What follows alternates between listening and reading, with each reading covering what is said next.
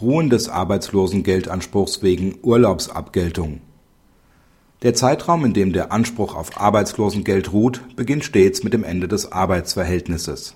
Eine Verschiebung findet nicht statt.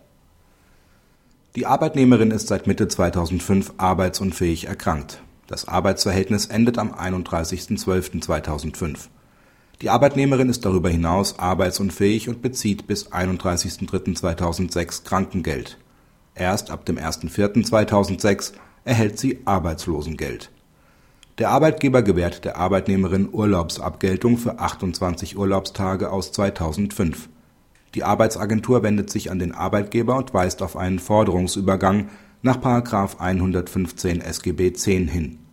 Sie verlangt von ihm Urlaubsabgeltung in Höhe des Betrags, den sie der Arbeitnehmerin für den April 2006 als Arbeitslosengeld gewährt hat. Der Arbeitgeber zahlt Anschließend verlangt er Erstattung dieses Betrags von der Arbeitnehmerin wegen ungerechtfertigter Bereicherung. In den ersten Instanzen bekommt der Arbeitgeber Recht, die Revision der Arbeitnehmerin hat aber Erfolg. Das BAG verneint einen Anspruch aus ungerechtfertigter Bereicherung. Entgegen der Auffassung des Arbeitgebers hat seine Zahlung an die BA die Arbeitnehmerin nicht von einer eigenen Verbindlichkeit gegenüber der Arbeitsagentur befreit die Arbeitnehmerin hat Anspruch sowohl auf Arbeitslosengeld als auch auf Urlaubsabgeltung, denn der Anspruch auf Urlaubsabgeltung ist nicht auf die Arbeitsagentur übergegangen.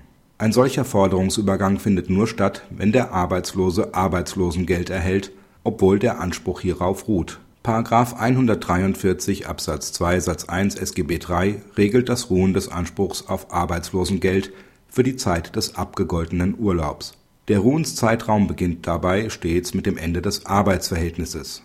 Die Arbeitnehmerin erhält in dieser Zeit aber kein Arbeitslosengeld, sondern Krankengeld nach § 44 SGB V.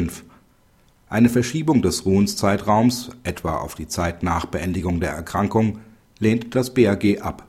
Dem steht der eindeutige Wortlaut des § 143 Absatz 2 Satz 2 SGB III entgegen der Urlaubsabgeltungsanspruch kann deshalb nur im unmittelbaren Anschluss an die Beendigung des Arbeitsverhältnisses zu einem Ruhen des Anspruchs auf Arbeitslosengeld führen. Praxishinweis Beendet der Arbeitgeber das Arbeitsverhältnis mit einem erkrankten Arbeitnehmer, muss er prüfen, wann dessen Arbeitsunfähigkeit endet und der Arbeitnehmer Arbeitslosengeld erhält. Bezieht er vorerst Krankengeld, geht der Anspruch auf Arbeitsentgelt nicht auf die Arbeitsagentur über der Arbeitgeber muss dann einem Zahlungsverlangen der Arbeitsagentur nicht nachkommen